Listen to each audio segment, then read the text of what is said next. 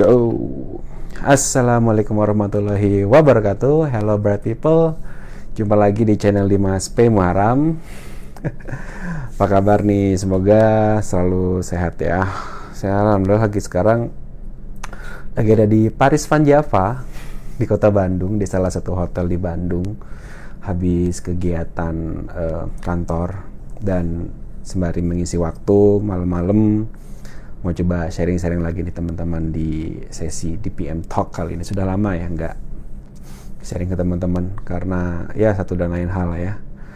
Um, banyak hal sih sebelumnya. Saya juga habis dari Semarang.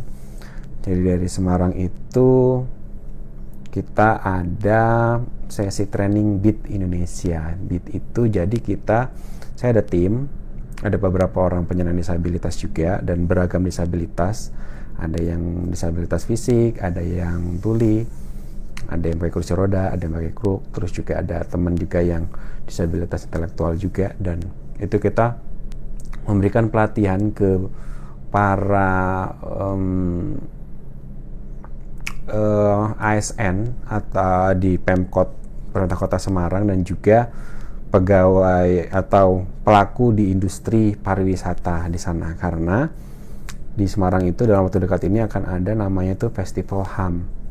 Jadi Festival HAM itu um, karena mereka ingin acaranya itu dibuat lebih inklusif, jadi mereka mengundang kami dari tim Bit Indonesia untuk melatih para calon panitia dan juga nanti pihak-pihak um, yang akan memberikan layanan di Kota Semarang agar bisa lebih inklusif dan dengan lebih tepat lagi untuk bagaimana bisa mendampingi dan membantu penyandang disabilitas yang mungkin pada saat nanti akan terlibat dalam acaranya atau menggunakan fasilitas umum yang ada di sana.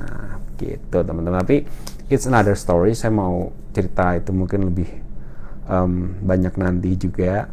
Dan saya juga ada interview juga dengan salah satu orang yang sangat inspiratif banget dan beliau kerjanya nggak jauh dari, istana dan beliau juga penyandang disabilitas jadi nantikan video selanjutnya ya. Nah sekarang by the way mungkin agak telat tapi saya mau ngucapin selamat hari Sumpah Pemuda ya teman-teman bright people semuanya yang saya yakin di sini teman-teman yang menjadi viewers subscribers atau ya sekedar simpatisan dari channel Dimas P. Ini adalah teman-teman yang insya Allah punya masa depan yang cerah gitu ya. Saya aminkan saya doakan juga. Dan kita bersama di sini bareng-bareng belajar saling tukar pikiran dan diskusi pastinya ya. Um, ada satu hal sih yang menggelitik saja ya ketika dalam momen Sumpah Pemuda ini. Um, sekarang itu Sumpah Pemuda itu ya nggak jauh dari seperti hari buruh. Kalau hari buruh ingat ya tanggal 1 Mei itu didengar uh, di uh, kenal juga dengan Mayday. Mayday itu kan ibaratnya kayak Mayday, Mayday kayak bahaya, sinyal bahaya itu benar-benar uh, mungkin kalau di di luar itu memang bahaya kalau demo buruh gitu. Di sini juga uh, selalu identik dengan demo dan ada tendensi atau kecenderungan buat mungkin bisa rusuh yang namanya orang banyak ya. Orang banyak berkumpul gitu dan mungkin bisa aja tersulut terprovokasi gitu ya oleh oknum-oknum yang tidak bertanggung jawab. Nah sekarang Sumpah Pemuda itu terakhir pas kebetulan banget saya di hotel sore malam-malam udah selesai acara nonton TV, oh ternyata banyak demo, demo mahasiswa.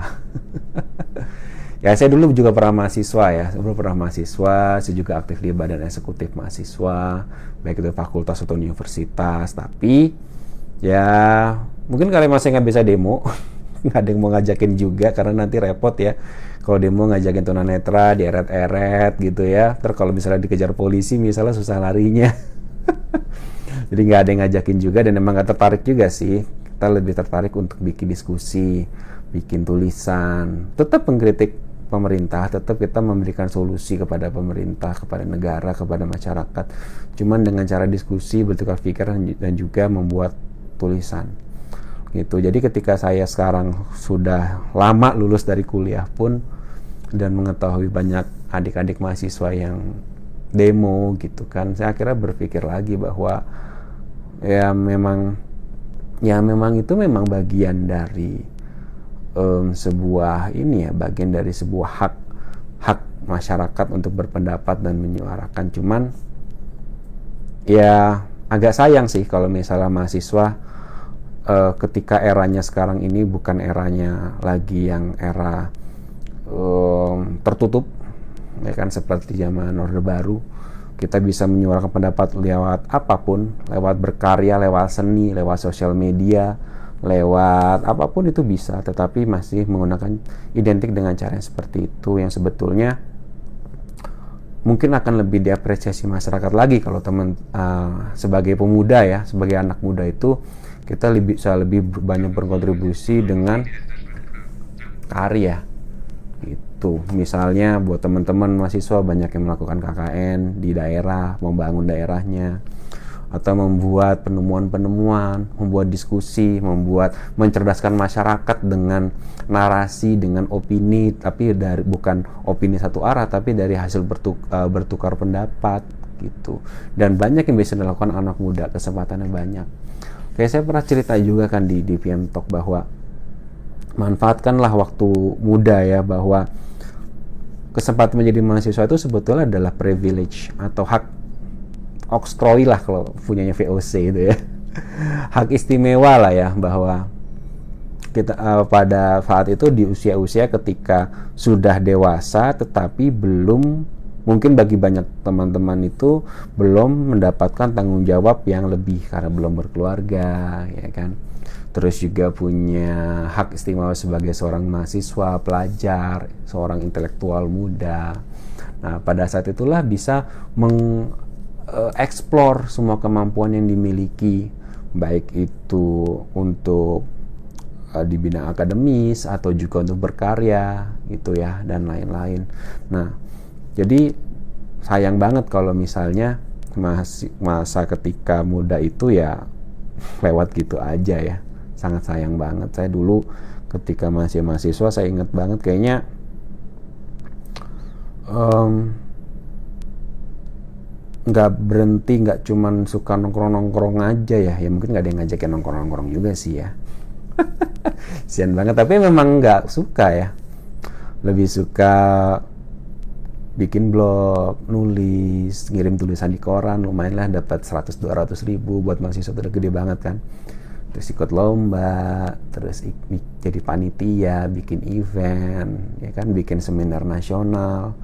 Saya pernah hmm, jadi seminar apa dapat proker di BEM tingkat universitas di BEM UI dan megang seminar di tingkat nasional yang mengundang banyak orang dan mengorganize ya lumayan lumayan. Kalau saya bilang lumayan oke okay lah gitu. Meskipun pasti banyak kurangnya sana sini.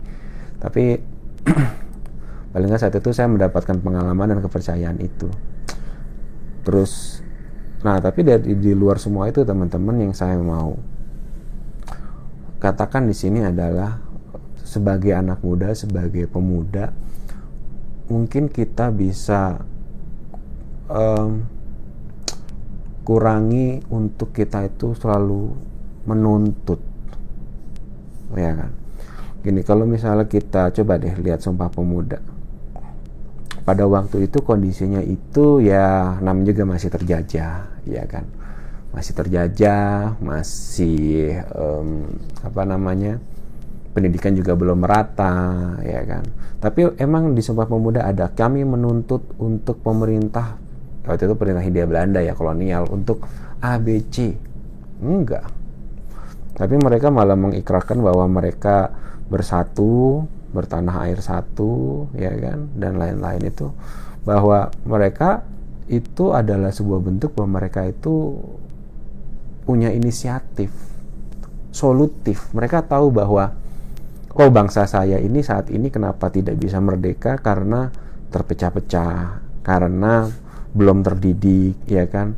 Kenapa harus berbahasa mengakui bahasa Indonesia sebagai bahasa persatuan? Karena memang untuk mentransfer ilmu itu kalau misalnya beda bahasa kan sulit. Makanya tuh mereka menyadari pada saat itu bahwa perlu bahasa pemersatu. Jadi pada dasarnya adalah mereka pada pemuda saat itu berpikir solutif bukan hanya menuntut ya. Nah ini juga yang saya harap juga ada adik-adik baik yang disabilitas atau yang tidak. Kita sebagai anak muda itu sebetulnya agak malu ya harusnya kalau kita hanya bisa menuntut. Misalnya um, menuntut untuk fasilitas yang aksesibel misalnya wah saya nggak bisa kuliah nih kalau nggak ada fasilitas A B C D misalnya. Atau misalnya wah saya nggak nggak bisa kuliah saya nggak punya ongkos.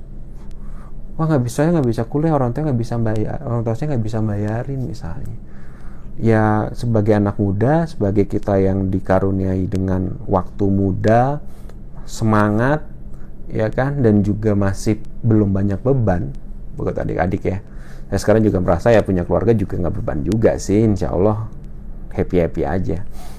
Um, itu bisa menjadi sebuah power atau tenaga buat teman-teman itu bahwa untuk memperjuangkan masa depan dia sendiri atau kita sendiri dan juga orang lain itu ya harus berpikiran solutif tidak lagi hanya menuntut gitu. Tidak hanya menuntut saya butuh ini saya hak ini saya berhak untuk ini A B C D. Tapi berpikir apa yang bisa saya lakukan untuk diri saya sendiri at least. Dan kalau bisa lebih bagus untuk banyak orang. Kita berpikir oh iya saya masih banyak waktu nih um, oh saya um, untuk masa menyiapkan masa depan saya harus banyak belajar. Saya harus banyak mencoba ini itu. Mencoba banyak kesempatan. Dan um, apa namanya mencoba banyak kesempatan banyak uh, hal. Terus juga sambil cari kalau misalnya kita mau sekolah nggak punya uang cari beasiswa.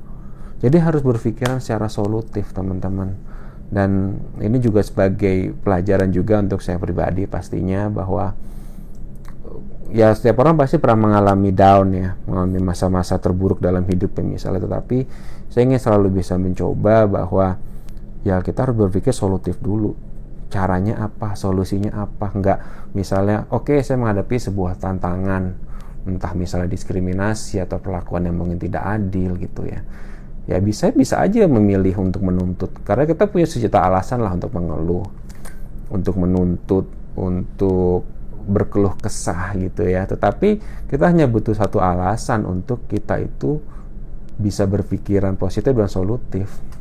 Alasannya apa? Ya alasannya bahwa yang bisa menolong diri saya ya hanya Tuhan melalui diri saya sendiri juga. Gitu. Itu hal pertama bisa kita kontrol kalau orang lain ya kita nggak bisa kontrol gitu ya. Yang bisa kita kontrol adalah diri kita sendiri dulu. Kita harus um, berjuang kita mungkin belajar lebih keras cari informasi gaul ber, uh, network cari jejaring gitu ya. Dan itu yang bisa kita lakukan uh, adik-adik ya. Teman-teman semua bright people pastinya. Dan saya doakan semuanya semoga bisa dimudahkan semua cita-citanya ya kan? Semua keinginannya mimpi-mimpinya tapi semua itu pasti butuh usaha ya kan? Dan bagaimana agar usaha itu tidak melelahkan? Ya kita harus berpikiran positif. Berpikiran solutif bahwa um, capek banget loh teman-teman ya. Kalau misalnya kita ingin menunjukkan sesuatu tapi ya kita ngeluh. Kita hanya bisa menuntut kita hanya bisa menyalahkan orang lain apalagi gitu ya itu akan sangat melelahkan sekali So itu aja teman-teman. Selamat Hari Sumpah Pemuda pastinya. Semoga um, kita akan teman bright people nih sebagai anak muda bisa lebih semangat lagi ya kan. Kalau masih mengalami ada halangan-halangan, ayolah uh, halangan itu dianggap jangan sebagai sebuah hambatan ya, tapi sebagai sebuah challenge, sebuah tantangan yang harus kita bisa carikan solusinya. Itu aja buat para pemuda semua selamat sumpah pemuda dan juga sumpah pemudi pastinya. Yang para pemuda yang belum punya pemudi silakan terus berjuang cari pemudi pemudi juga. Yang belum punya pemuda cari pemuda. Biar hidup kita selalu bahagia dan bisa mendapatkan masa depan yang cerah cerah sinar mentari ya. Oke okay, I'm Dimas Prasetyo Muharam signing out. Thank you and see ya